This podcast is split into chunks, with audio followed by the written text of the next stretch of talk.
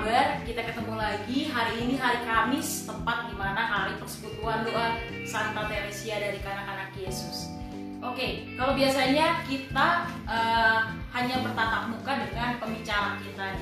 Biasa kita Bapak Ibu sendiri juga tahu dan kaum muda juga semua sudah tahu.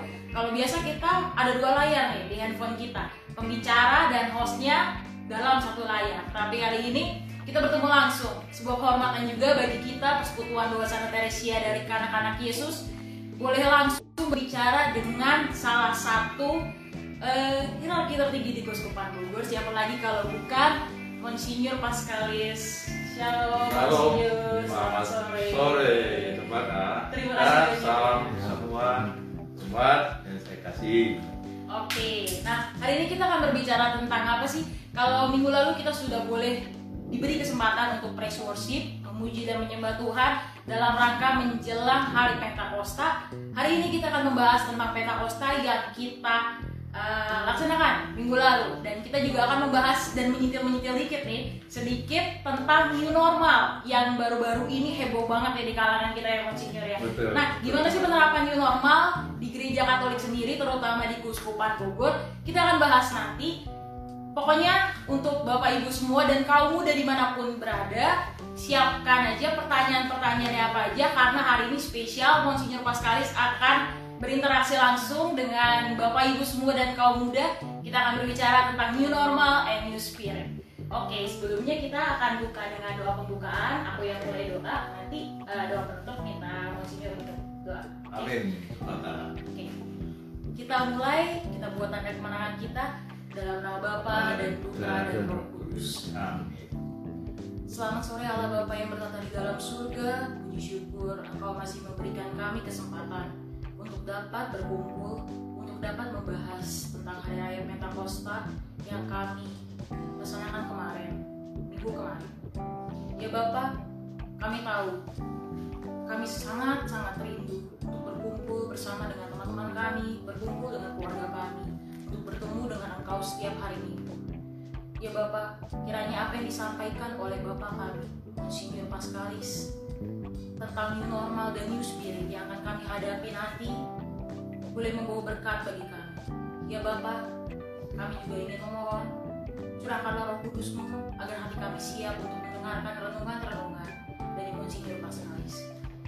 Ya Bapak kami juga berdoa untuk segala peralatan yang kami gunakan untuk live streaming pada sore hari ini. Kiranya perlengkapan-perlengkapan yang kami gunakan lancar sampai nanti selesai live streaming ini. Terima kasih ya Bapak, kemuliaan kepada Bapa dan Putra dan Roh Kudus. Seperti pada permulaan sekarang selalu dan sepanjang segala abad. Amin. Dalam nama Bapa, Bapa dan Putra dan Roh Kudus. Amin. Oke Monsinyur, apa kabar nih? Kabar baik. Kayaknya semenjak pandemi ini sering banget ngeliat Monsinyur live streaming terus ya. Iya ya. Oke, kayaknya sebuah gimana ya, sebuah kebanggaan juga nih buat kita yang biasa eh, orang-orang Katolik di uskup di uskupan Bogor ini jarang banget yang namanya ke gereja sekali ke gereja nggak taunya di rumah aja terus misalnya lebih banyak dipimpin sama Monsinyur ya. Iya, iya. Oke. Ya memang uh, keadaan uh, membuat kita mencari jalan baru untuk berjumpa satu sama lain melalui perayaan Ekaristi live streaming. Saya kira ini sesuatu yang uh, baik juga bahwa gereja kita memanfaatkan sarana-sarana teknologi modern untuk uh, berjumpa sekaligus juga untuk menyampaikan uh, bahan komunikasi kita kepada uh, yang lain. Oke, oke, Mas Ingat kita langsung mulai aja ke bahan Ya. diskusi kita ya. Ya. Kemarin kan baru aja kita eh, memperingati Hari Raya Pentakosta, turunnya Roh Kudus pada para rasul. Ya. Nah, Monsinyur, aku mau nanya nih, gimana sih kehidupan baru setelah Pentakosta yang dialami oleh para murid Yesus pada waktu itu? Ah. Ya, eh, pertama kita mesti eh, menyadari ya bahwa Roh Kudus itu adalah Roh Tuhan Yesus yang Dia utus atau Dia anugerahkan kepada para muridnya agar mereka hidup dalam suatu keteguhan, dalam suatu kekuatan eh, dan keberanian. Nah, pada waktu sebelum eh, menerima Roh Kudus itu kita tahu bahwa para murid itu tinggal di ruang atas bersama Bunda Maria di Yerusalem mereka berdoa untuk mohon turunnya Roh Kudus. Nah kemudian memang Roh Kudus diutus oleh Tuhan Yesus dan mereka menerima itu. Ya para rasul yang semula takut, cemas dan juga agak bingung, uh, lalu mereka kemudian setelah mendapat karunia Roh Kudus, turunnya Roh Kudus atas mereka, maka mereka menjadi pribadi yang berani, pribadi yang akhirnya berbicara kepada banyak orang tentang Yesus Kristus itu adalah Sang Penyelamat kita. Jadi Roh Kudus yang meneguhkan, menguatkan mereka sehingga mereka tidak lagi menjadi orang-orang yang takut, orang-orang yang cemas, atau orang-orang yang putus asa, manusia baru manusia yang bersemangat untuk memberitakan kerajaan Allah atau memberitakan tentang Tuhan Yesus yang. Oke, nah tadi Monsinyur sendiri bilang hmm. setelah turunnya Roh Kudus menjadi manusia-manusia yang baru. Ya. Nah, Monsinyur, kalau manusia-manusia baru pada zaman murid-murid Yesus itu kan berarti mereka ready nih, aku ready untuk memberitakan uh, kabar baik. Aku ready untuk evangelisasi. Nah kalau yeah. dalam kehidupan kita sehari-hari ini di masa-masa modern sekarang nih kalau anak muda zaman sekarang bilangnya kaum milenial nih. Yeah. nah itu gimana maksudnya nah ya kalau saya sih melihatnya bahwa Roh Kudus itu adalah roh yang meneguhkan kita, roh yang menguatkan kita untuk melakukan kebaikan-kebaikan. Dan kebaikan-kebaikan itu kan bisa dilakukan oleh semua orang bukan hanya untuk kaum milenial saja tapi juga orang yang sudah tua orang yang masih muda dan anak-anak. Jadi prinsipnya roh kudus itu memperkuat orang untuk melakukan kebaikan-kebaikan. Nah dalam masa kita sekarang ini kan e, hal itu tetap penting. Karena kadang-kadang kita ditantang oleh misalnya oleh situasi pandemi ini. Orang takut takut melakukan uh, sesuatu untuk menolong orang lain. Uh, tetapi Roh Kudus itu menolong, menguatkan kita untuk ya mengingatkan kita. Kita jangan hidup hanya perhatikan kita sendiri. Kita harus juga hidup memperhatikan orang lain. Maka dalam konteks pandemi ini kan kita lihat ada beberapa orang relawan-relawan yang kemudian semangat solidaritasnya ada, lalu mereka berkumpul bersama Eh, kemudian uh, mencari kemungkinan-kemungkinan untuk menolong orang-orang yang menderita. Nah ini kan salah satu contoh bahwa Roh Kudus itu berkarya dalam diri orang-orang ini sehingga mereka hidupnya tidak hanya perhatikan diri mereka sendiri, tapi mereka menjadi orang yang mau berbagi dengan orang lain, berbagi kebaikan dengan Tuhan. Saya dengar misalnya di OMK di San Francisco Assisi ya mereka juga mengumpulkan uh, semacam sembako gitu kemudian itu dibagikan kepada orang-orang yang membutuhkan nah bagi saya itu salah satu contoh bahwa Roh Kudus berkarya dalam diri. Setiap orang yang berkehendak baik itu untuk melakukan kebaikan bagi sesama. Jadi itu antara lain salah satu contoh bahwa Roh itu berkarya. Misalnya contoh lain juga kemarin disinggung mengenai orang mempunyai kerinduan untuk beribadah, kerinduan untuk uh, berdoa di rumah. Uh, para uskup mengajak kita berdoa rosario. Ya, justru uh, Yesus mengatakan Roh Kudus itulah yang membuat orang mampu menyembah Tuhan, mengakui Yesus sebagai Tuhan.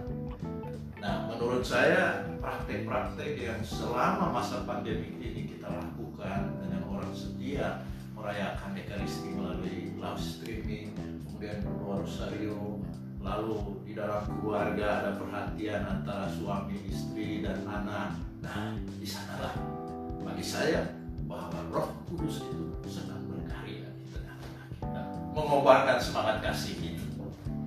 Bisa paham ya? Oke, okay. Kalau aku boleh sharing sedikit ya, ya malah ya, kayaknya ya. semenjak pandemi ini nih uh, kita malah jadi semakin dekat sama keluarga ya nah, Mas ya. Nah. Yang tadinya kita mungkin uh, mama papanya bisa jam uh, 9 ya. Terus uh, anaknya biasa bisa sama OM kan sama teman-temannya sekarang malah semua satu keluarga ngumpul bersama, bisa bersama. Ya, saya kira ini kenangan indah yang uh, di perlu dicatat dalam sejarah uh, hidup kita masing-masing ya uh, bahwa ya ternyata kita sebagai satu keluarga itu kita bisa berdoa bersama dan pandemi ini memang sedikit banyak memaksa kita. Tetapi jangan lupa itu hanya mungkin terjadi karena roh kudus sedang berkarya dalam diri kita. Roh kudus itu adalah roh baik yang mendorong kita untuk uh, membangun persekutuan bersama apalagi dalam keluarga jadi bersyukurlah kita ya. Iya. Oke, Mas Injok nih. Uh, tadi aku juga kebentis uh, sekilas ada pertanyaan yang sedikit kesinggung nih. Uh. Uh, gini loh Mas Injok. Misalkan kan kita sekarang udah masa-masa pandemi gini, Betul. kita kebanyakan live streaming di rumah. Yang iya. biasanya mungkin persekutuan doa persekutuan doa setiap minggu itu kita mengadakan yang namanya uh, pertemuan rutin yeah. setiap minggu Betul. jamnya sudah ditentukan hmm. sekarang kita paling cuma virtual nih yeah. menggunakan gadget nah gimana kalau misalkan nanti ketika kita sudah diperbolehkan untuk berkumpul hmm. kita menjadi tipe-tipe orang yang uh, malah mengkotak-kotakan gitu loh mas hmm.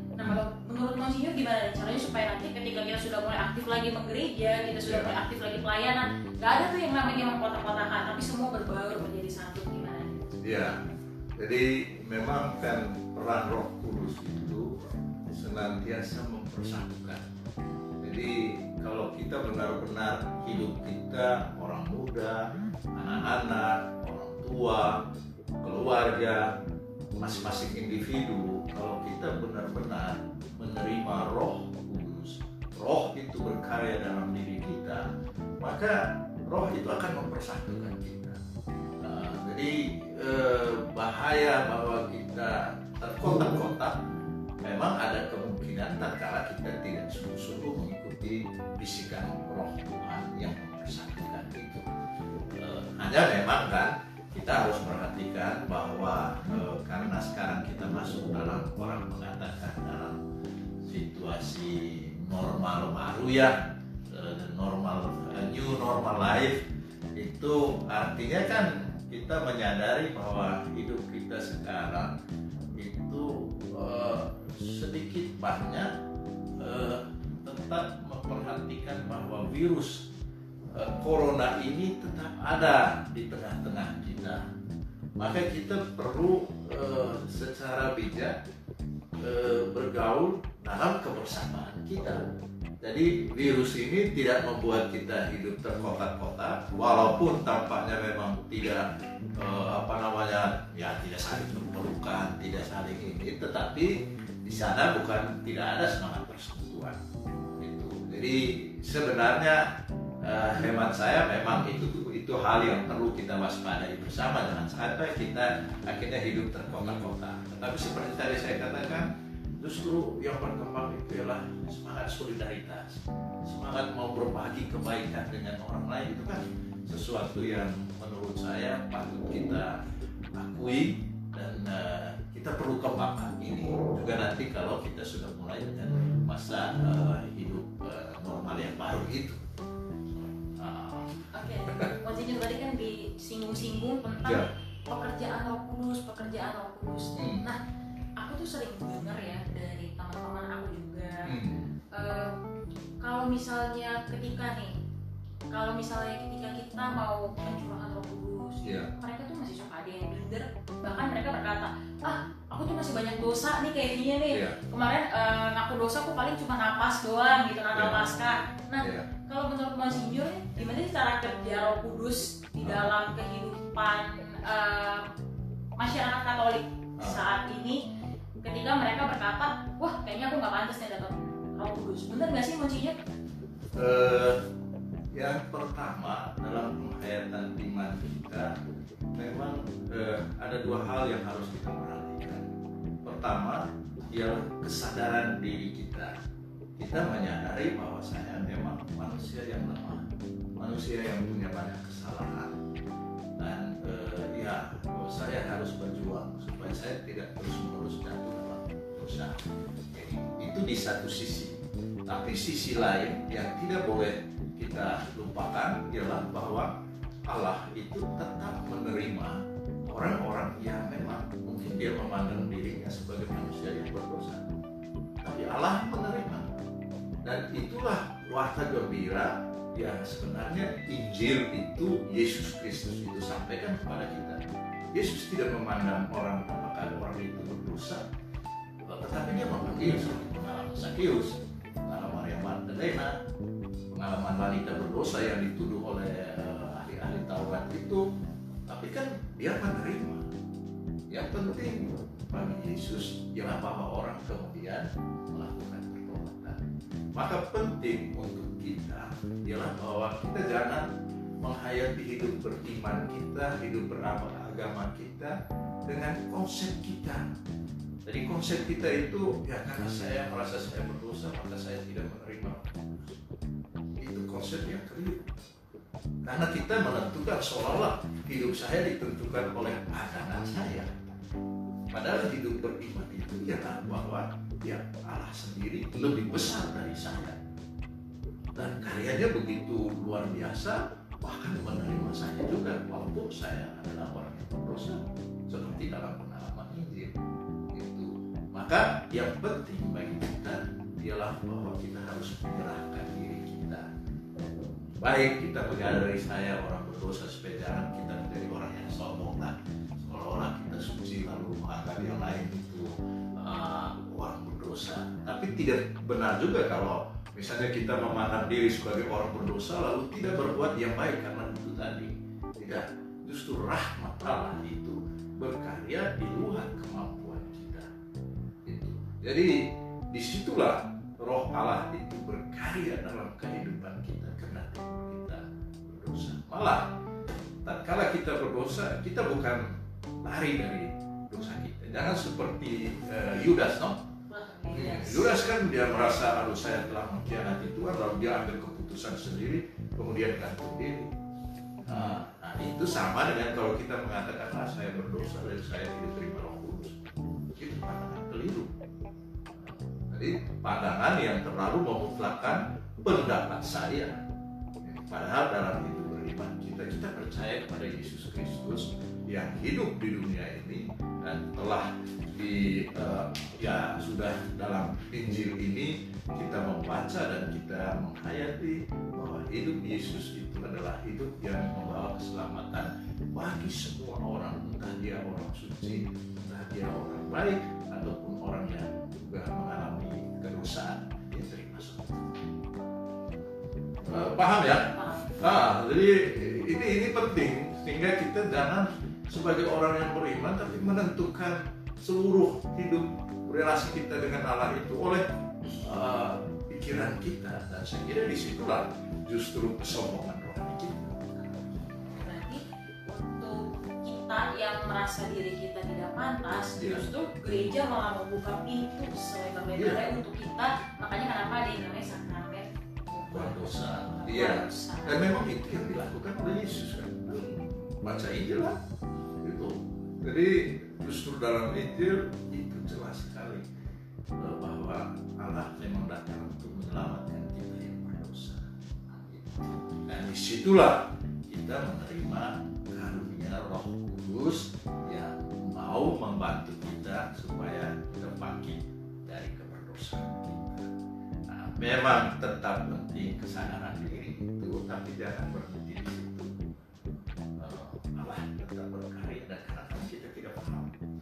besar Tuhan. Nah di situlah kita mesti mengakui siapa sih saya. Otak saya hanya begini saja untuk memahami kebesaran Tuhan. Nah di situlah artinya saya percaya kepada Tuhan. Oke, ini konsepnya nah. tadi ini ada juga nih pertanyaan di otak aku yeah. yang pengen aku nanyain kebetulan yeah. tentang karya besar Tuhan. Yeah. Nah kadang kan ada yang suka bilang nih mungkin teman-teman di rumah juga bapak ibu di rumah juga bilang ada hidup itu adalah misteri yeah. kita nggak tahu gimana uh, lima menit kemudian yeah. nah maksudnya gimana sih caranya kita membedakan kalau misalkan di saat kita lagi ragu hmm. nah gimana kita membedakan kalau misalnya pada saat kita berdoa kita sedang ragu terus yang kita dapat itu adalah jawaban Allah atau misalkan jangan-jangan ah kayaknya cuma ada-ada aja nih karena mungkin ya kalau saya kalau aku sendiri nih maksudnya kadang suka pada saat aku lagi galau gitu yeah, yeah. berdoa terus tiba-tiba kayak dapat set gitu coba kak kamu ngelakuin ini nah itu gimana tuh buat kita yakin kalau itu benar itu jawaban dari Allah karya Allah yang sedang Allah uh, nyatakan dalam hidup kita gimana tuh Coach Inyo?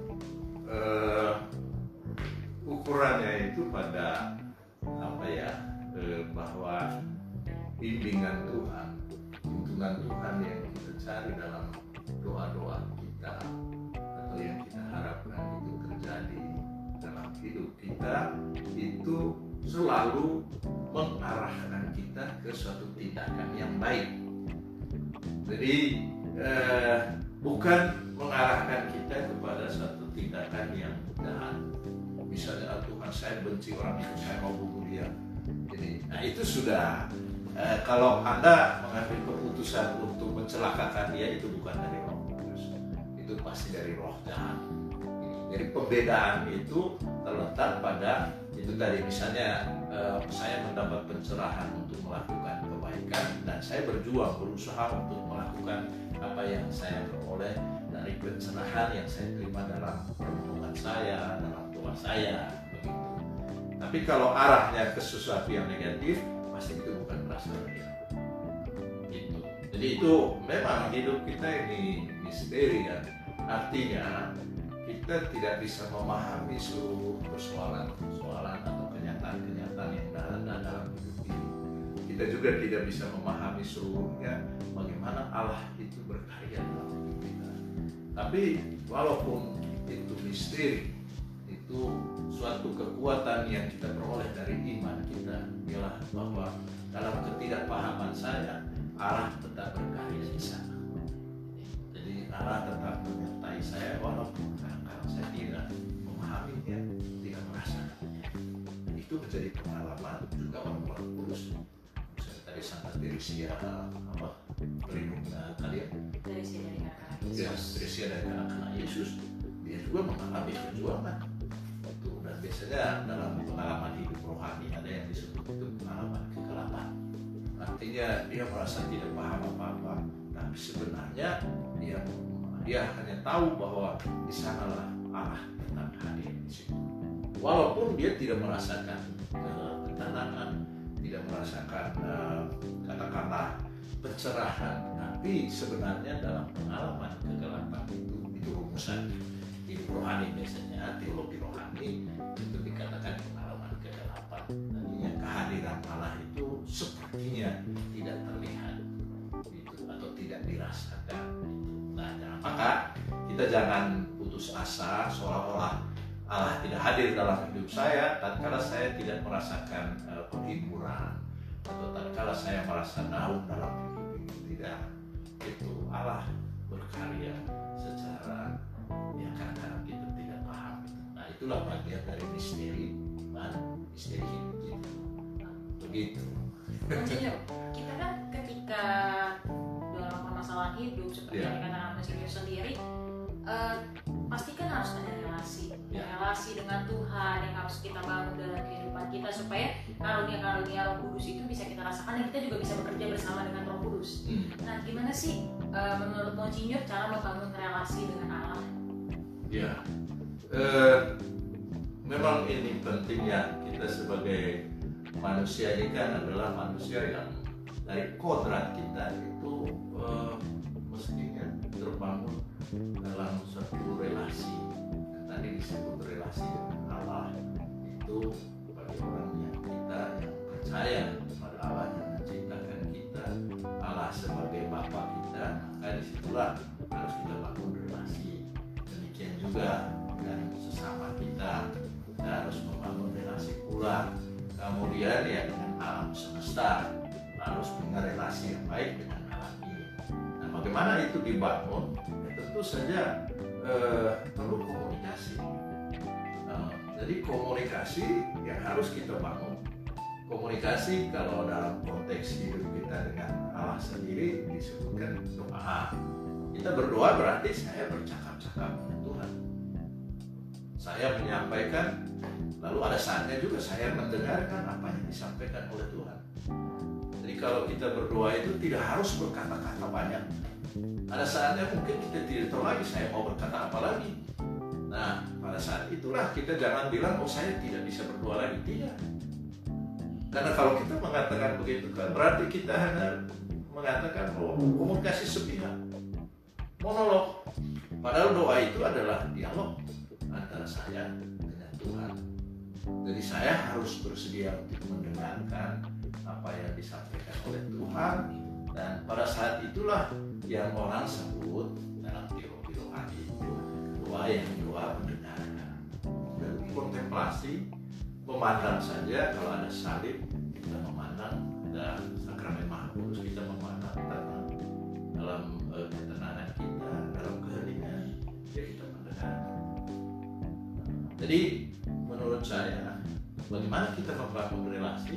Ya komunikasi. Komunikasi dengan Tuhan melalui doa-doa kita. Kalau dengan sesama kita ya komunikasi kan? Kita bicara dengan teman kita bergaul bersama berada bersama. Eh, demikian juga dengan alam semesta. Ya kita bisa berbicara dengan bunga dengan pohon dengan apa semua. Itu juga komunikasi kita. Lalu di dalam komunikasi itu bisa juga menyangkut tindakan-tindakan kita. Misalnya tindakan kita untuk merangkulkan berarti mengkomunikasikan uh, perasaan saya saya mencintai kamu atau saya menghormati kamu itu dalam tindakan-tindakan kita Nah, di situlah terbangun relasi kita. Maka dalam konteks hidup gereja kita kan, ya ada acara persekutuan doa, itu ada ibadah, itu kan usaha untuk membangun relasi. Tapi relasi dengan Allah itu juga bisa kita wujudkan dalam karya-karya baik kita dengan orang-orang lain yang membutuhkan karena dalam karya-karya baik yang kita lakukan itu sesungguhnya bukanlah sekedar promosi kita. Bukan juga mau menunjukkan oh saya punya ini, saya uh, tidak. Pertama-tama kan kita mau mengkomunikasikan kebaikan Dan itu salah satu tindakan kita untuk membangun komunikasi kita, relasi kita dengan Allah melalui relasi yang baik sesama dan juga semesta karena Tuhan sendiri bersabda oh ya kalau kamu mencintai saya dan tidak mencintai sesama ya kamu. Penipulah itu iya kan? Ingat tuh Santo Yohanes eh, penginjil mengatakan demikian ya kalau kamu mencintai Allah ya buktikan. Dengan mencintai sesama. Tapi kalau kamu mengatakan bahwa saya mencintai Tuhan tapi membenci sesama saya itu berarti kamu menipu diri kamu sendiri. Demikian juga terhadap alam misalnya kalau kita hanya merusak alam tidak peduli dengan alam itu juga bagian dari kita tidak peduli kepada apa yang dikehendaki oleh Allah kepada kita itu menurut saya doa, doa itu nggak harus kita melulu minta Tuhan aku minta minta umurnya panjang, aku minta kekayaan, aku minta jodoh nih ya yeah. buat orang muda di luar sana banyak kan suka kayak gitu nih maksudnya. Yeah. Yeah. Aku minta jodoh yang baik, aku minta jodoh yang ini, tapi nggak membiarkan Tuhan untuk berbicara yeah. kepada kita. Yeah. Oh, Oke, jadi kita ubah doa kita sekarang. Jangan kita melulu yang ngomong kan, biasa yeah. juga suka kesel kalau mendengar mama ngomong nih Tuhan mungkin juga sama kali. kesel kalau bisa kita ngedenger mama kita ngomong ngomel terus mau cewek kan pusing. Kita biarkan Tuhan untuk berbicara juga dalam diri kita siapa tahu Tuhan pengen sampaikan sesuatu kepada bapak ibu atau orang muda di rumah sana nah, makanya kan penting itu juga doa dalam keheningan mencari waktu orang dalam keheningan uh, duduk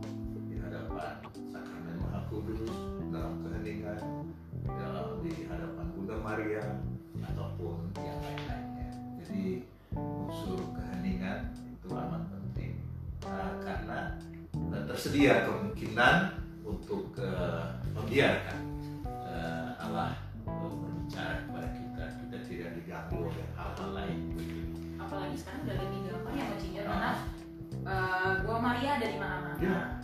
di puspas juga ada uh, ruang adorasi. Ya. jadi kita bisa khusyuk lagi lebih lebih fokus lagi Betul. untuk berbicara uh, tatap muka dengan sakramen Ya, sebentar lagi di katedral ada di gedung Maria yang baru ada satu tempat khusus untuk ke kafe adorasi. Ini jadi mungkin setelah masa pandemi ini atau apalah setelah peresmian uh, gedung Maria saya berharap di katedral ya menyediakan tempat yang memang perlu untuk uh, menjamin kemungkinan kita itu mendengarkan Tuhan yang berbicara kepada kita kita tidak ngomong terus Oke, Monsinyur nih, Ya. tadi ngomong-ngomong setelah pandemi beres, boleh nih datang ke ruang adorasi. ya Nah, kita sekarang berada lagi berbicara tentang new normal sesuai dengan tema kita new normal, new spirit. Tadi kan ya kita udah dapat nih spirit yang baru nih dari Ya. Monsinyur. Nah, sekarang aku mau langsung dari Monsinyur. Sebentar lagi kan kita bakalan dihadapkan pada situasi new normal. ya Nah, gimana nih gereja menanggapi new normal ini? Nah, ya eh, gereja menanggapinya dengan satu kesadaran yang pertama itu kan kita berusaha gereja kita berusaha agar eh, anggotanya itu ya memperoleh katakanlah dan mengalami keselamatan dan keselamatan itu bukan hanya keselamatan abadi di surga nantinya tapi juga keselamatan di dunia ini. Jadi konsep keselamatan yang dibawa oleh Yesus juga menyangkut keselamatan jasmania kita, kesehatan kita, eh, kebaikan kita, kesejahteraan bersama. Maka kalau orang sekarang mengatakan kita akan memasuki new normal life atau apa namanya ya hidup normal baru itu eh, memang gereja bersedia untuk itu. Tetapi eh, kita berusaha untuk menjaga agar keselamatan warga gereja itu tetap diperhatikan. Dan saya mengharapkan bahwa kita semua bergerak dalam hal ini dalam ketertiban bahwa saya harus menjamin kesehatan sesama saya, keselamatan sesama saya, anggota gereja yang datang ke gereja misalnya untuk perayaan-perayaan gitu. Memang pemerintah mengeluarkan macam-macam peraturan-peraturan dan saya kira itu sudah tersebar ke mana-mana itu mengenai yang mereka sebut protokol kesehatan yang mengenai social distancing kemudian pakai masker kemudian bawa hand sanitizer kemudian gereja itu tempat berkumpul itu harus di apa namanya disemprot dengan disinfektan. Ya disinfektan. Uh, kemudian harus jaga jarak. Ya itu kan aturan-aturan detail yang prinsipnya ialah bahwa pemerintah juga mau supaya warganya selamat supaya warganya sehat. Itu. Jadi kita harus mengerti dari sudut itu. Bukan membatasi. Iya jadi pemerintah melihat bahwa warganya harus sehat. Jangan kena sakit karena keteledoran kita atau karena kesembronoan kita atau karena egoisme kita. Nah, ini memang selaras dengan apa yang dipandang oleh gereja kita. Walaupun nanti kita memulai perayaan Ekaristi bersama, tapi saya ingatkan kita harus ikuti eh, aturan aturan pemerintah. Tentu ada beberapa hal yang memang harus kita lihat juga berdasarkan kebiasaan-kebiasaan uh, khusus dalam gereja kita karena pemerintah mengatur aturan umum Uh, sedangkan aturan gereja Katolik dengan kebiasaan gereja ya ada kekhususannya. Nah, tetapi kekhususan ini tidak harus bertentangan sama sekali gitu. maka uh, dalam arti tertentu ya kita akan mengeluarkan uh, surat keputusan yang berkenaan dengan uh, pertama prinsipnya ialah bahwa kita semua harus menjaga keselamatan hidup uh, sesama kita. Bukan hanya saya tapi saya harus memperhitungkan itu. Dan saya minta keluarga-keluarga supaya uh, menyampaikan itu di rumah kita masing-masing. Sehingga tatkala orang pergi ke gereja sudah dengan satu konsep itu. Uh, nanti petugas-petugas di gereja itu dengan mudah menyampaikan. Misalnya ya kalau kita eh, tidak boleh dekat-dekatan gitu duduk berjauhan. Dan kalau anda mungkin dites suhunya itu melebihi suhu yang ini akan diminta pulang. Ya silahkan pulang. Jangan marah. Gitu. Eh, memang tetap saya minta ya kita membangun eh, hubungan secara manusiawi lah. Jadi dalam hal ini prinsipnya gereja tetap memperhatikan apalagi sekarang kerinduan umat kita untuk menerima perayaan Ekaristi dengan menerima tubuh dan darah Kristus saya amat apa namanya ya amat memahami itu. Tetapi di sisi lain kita juga jangan takabur. Jangan buru-buru. Jadi jadi kita harus siapkan mental kita kemudian siapkan beberapa uh, aturan-aturan kemudian beberapa sarana-sarana yang menjamin keselamatan kita semua. Keselamatan umat keselamatan anak keselamatan orang tua keselamatan para imam kita dan keselamatan kita semua. Itulah yang dikehendaki oleh Tuhan Yesus.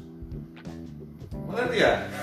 Jadi sekali lagi jangan egois mentang-mentang gereja udah dibuka uh -huh. udah dibuka kafe-kafe udah dibuka nah. diserbu langsung ya. Ingat jangan egois jangan mengambil nah buat uh, bapak ibu kaum muda semua yang ada di rumah kemarin uh, miminnya PDKY ini udah open Q&A dari kemarin. Nah, kayaknya udah banyak banget nih pertanyaan yang masuk dan kita juga akan ngebacain pertanyaannya dan langsung dijawab juga oleh pensinyur kita.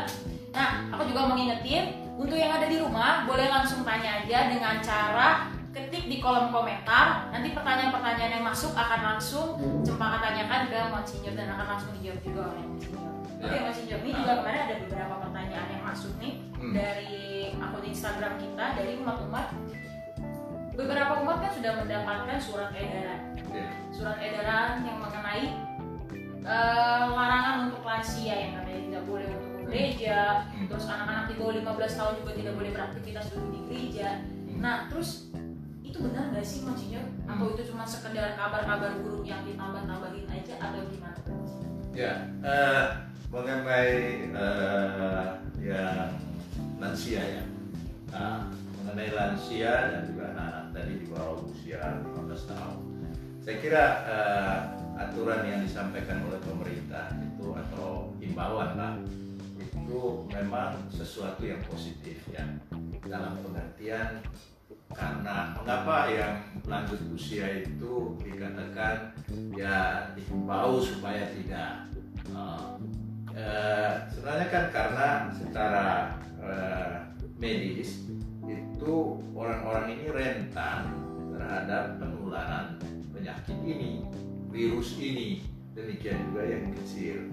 Uh, uh, maka pemerintah menyampaikan itu. Uh, cuma bagi gereja kita kan uh, tentu tidak bisa diterapkan uh, begitu saja. Nah, kemarin kami bicara di antara para dekan, dekan-dekan kita dari seluruh wilayah Keuskupan Bogor ini kita mempertimbangkan kerinduan umat yang begitu besar. Ya akhirnya kami menyampaikan bahwa pertama ya yang lansia memang sakit atau terindikasi sakit lebih baik tinggal di rumah akan dapat pelayanan komuni juga itu akan diatur oleh parokinya masing-masing.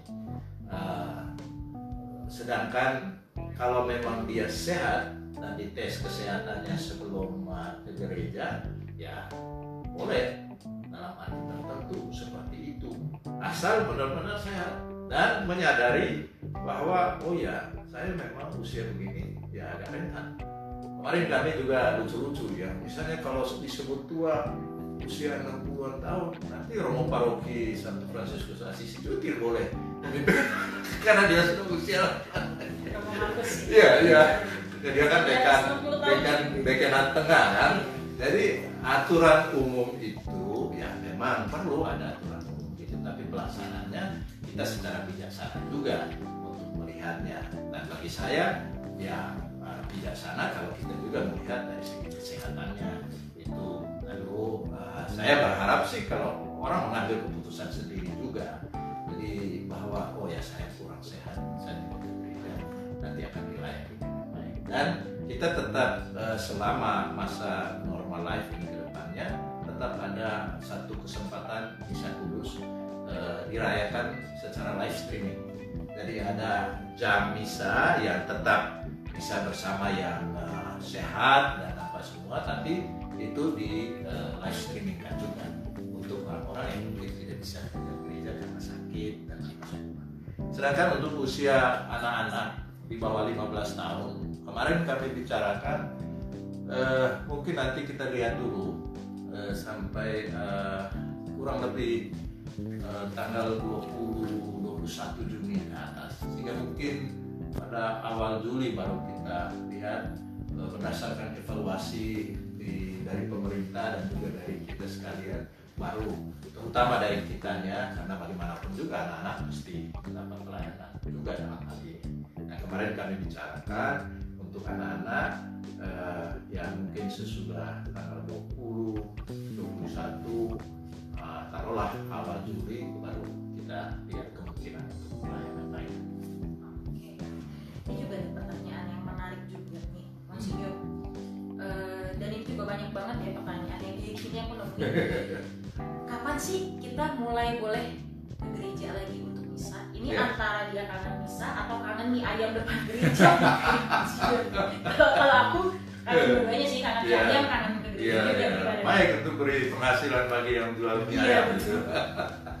ya, eh, kemarin kami mengantisipasi macam-macam surat edaran yang disampaikan baik dari Menteri Agama, baik dari Wali Kota Bogor, baik juga dari pemerintah pusat dan macam-macam surat edaran yang sudah beredar ke mana-mana.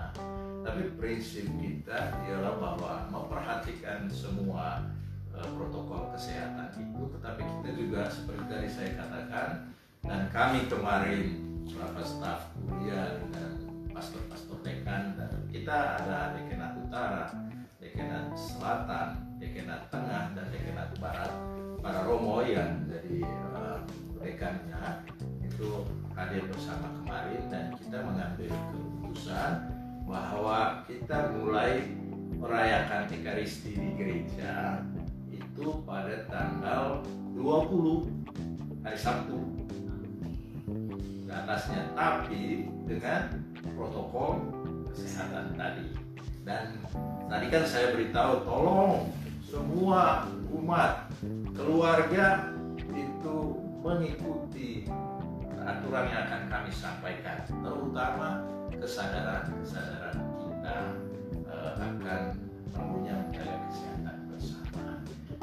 Lalu eh, gereja-gereja juga harus siapkan macam-macam hal seperti harus siapkan eh, tempat cuci tangan. Dan saya minta supaya ini eh, cukup eh, permanen dibuat sebaik mungkin dan sebanyak mungkin karena ke depannya ini kita harus tetap hidup dalam soal kemudian juga eh, pembersihan gereja itu dilakukan Eh, lalu tetap dijaga supaya jangan orang berkumpul-kumpul gitu ya. Jadi, kemudian eh, perayaan Ekaristi juga kita akan eh, usahakan supaya jangan terlalu lama itu disingkat. Maka nyanyian-nyanyian itu juga dibatasi. Mungkin hanya pembukaan persembahan dan penutup atau ya itu. Nah, supaya kan pemerintah juga minta paling lama 60 menit. Nah, kalau bisa di bawah itu juga bagus. Nah, kita kan biasanya lama juga baik khotbah juga tidak boleh terlalu lama. Jadi, jadi kami ingatkan semua itu. Nah, jadi kita mau mulai tanggal 20 itu hari Sabtu lalu tanggal 21 dan seterusnya. Nanti kita evaluasi lagi Oh jadi itu akan terus berevaluasi terus ya? Iya, artinya kan ya, kita perhatikan peraturan pemerintah. Pemerintah memang mulai membuka tanggal 4 di beberapa tempat, tapi juga ada berdasarkan zona-zona, ada zona merah, ada zona hitam, dan seterusnya. Nah, kita agak eh, persiapkan diri lah, terutama persiapan eh, kesadaran umat semuanya. Karena saya tahu bahwa kita juga mau sekarang itu ya, tapi lebih baik kita cukup ambil waktu persiapan kita semua di rumah dan juga di gereja kita. Itu rekannya begitu seperti itu kemarin kami akan keluarkan surat. Berarti nggak ada alasan lagi eh, yang bilang katanya kemarin kangen ke gereja, sekarang udah dikasih nih. Tanggal 20 Juni, contoh tanggal 20 Juni kita udah mulai eh, misa lagi secara langsung. Dan buat yang males-malesan ke gereja karena katanya aduh khotbah romonya teh ngebosenin. Panjang sekarang cuma 60 menit. Khotbah Romo lebih pendek lebih singkat jadi nggak ada alasan untuk tidur di rumah bapak. Oke oke Monsinyur ini ada pertanyaan lagi. Eh, dari Anet Siagian oke Bagaimana gereja mengatur kehadiran umat dalam ekaristi saat new normal life? Karena dalam peraturannya Pemda kan hanya kasih eh, tempat ibadah itu berisi 50% aja daripada gimana? Ya eh, tentu akan diatur diatur eh, misalnya eh, jadwal misa diperbanyak Jadi jadwal misa kalau misa harian biasanya hanya pagi jadi buat pagi sore. Itu antara lain. Lalu juga misalnya misa hari minggu kalau biasanya eh, dua kali tiga kali jadi diperbanyak. Itu nanti diminta sesuai dengan eh, keadaan di paroki masing-masing. Tapi prinsipnya ialah bahwa kita melayani kerinduan umat yang sudah tiga bulan inilah ya tidak ke gereja ya. Lalu kita mempertimbangkan